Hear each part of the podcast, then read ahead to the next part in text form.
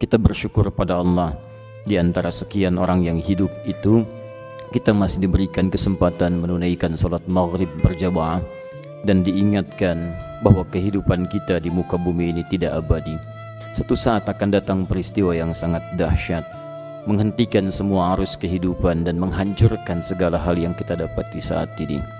Semoga semua itu bisa menyentuh hati kita untuk mempersiapkan diri berbekal lebih baik sehingga kembali kepada Allah dalam keadaan yang sangat diridhai oleh Allah Subhanahu wa taala. Untuk itu kita bermohon pada Allah semoga salat yang telah kita tunaikan diterima oleh Allah Subhanahu wa taala dan menjadi bagian dari amal saleh yang kita buktikan sebagai bagian dari keimanan kita kepada Allah.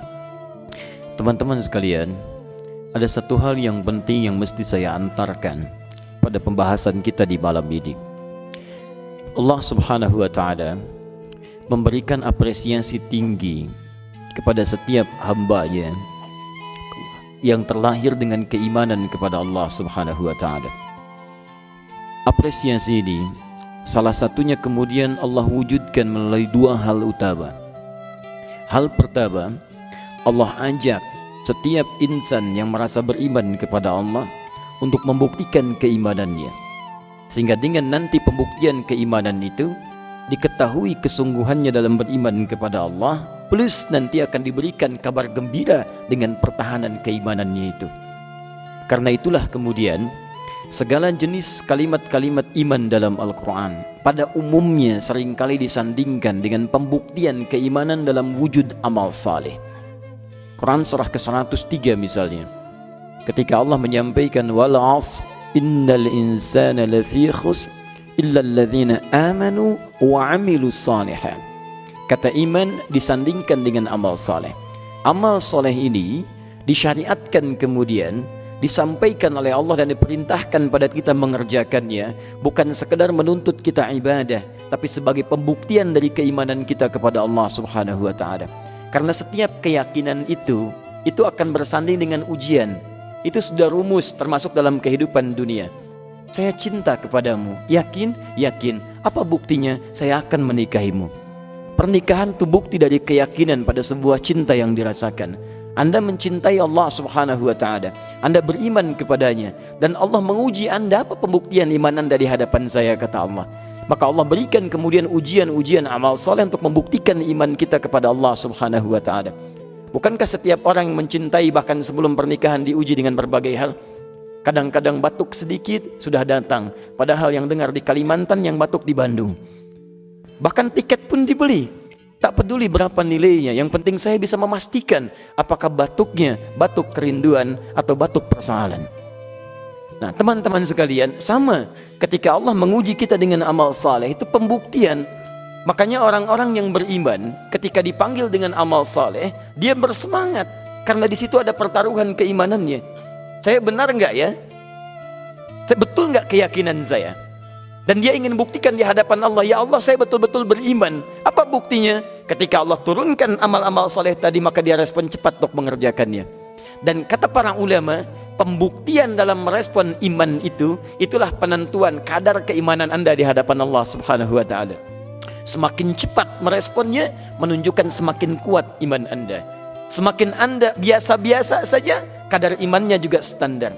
Maaf, semakin terlambat meresponnya atau malas menunjukkan iman Anda lemah atau bahkan mengecil, mengecil atau bahkan hilang dan berubah menjadi sisi yang lainnya.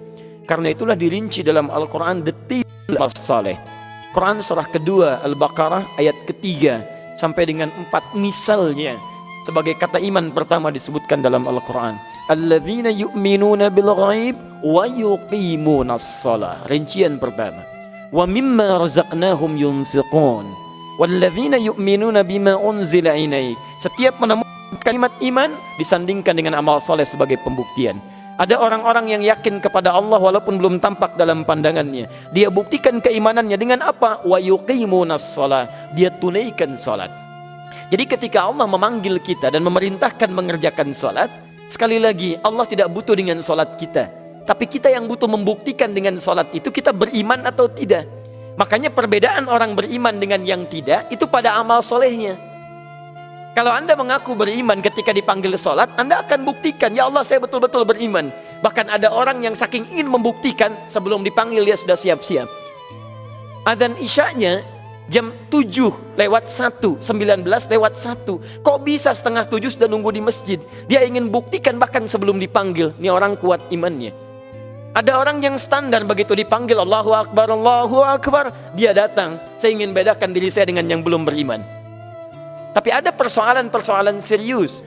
Adzan berkumandang, belum tersentuh. Belum komat. Sudah komat, belum ada getaran, masih ada waktu. Ini menunjukkan kadar keimanannya sangat rendah di hadapan Allah Subhanahu wa taala. Yang jadi persoalan, belum adzan sudah kuku lutus. Misalnya, kuku lutus itu bahasa apa? Bahasa Jepang sedikit ada improvisasi. Kidungmu lebih merdu daripada suara yang lain. Nah, itu persoalan itu. contoh, contoh ya, contoh. Itu contoh saja ya. Dan itu didoakan oleh kita supaya ada perubahan-perubahan kebaikan.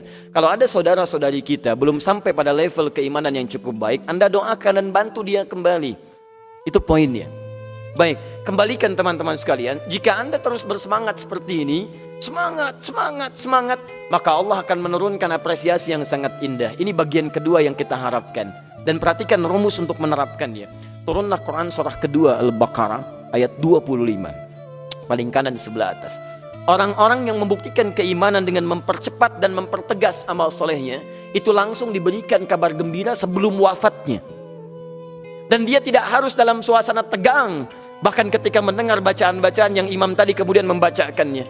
Ada haru yang luar biasa, tapi ada kebahagiaan untuk menantikan janji Allah dengan peristiwa yang dimaksudkan.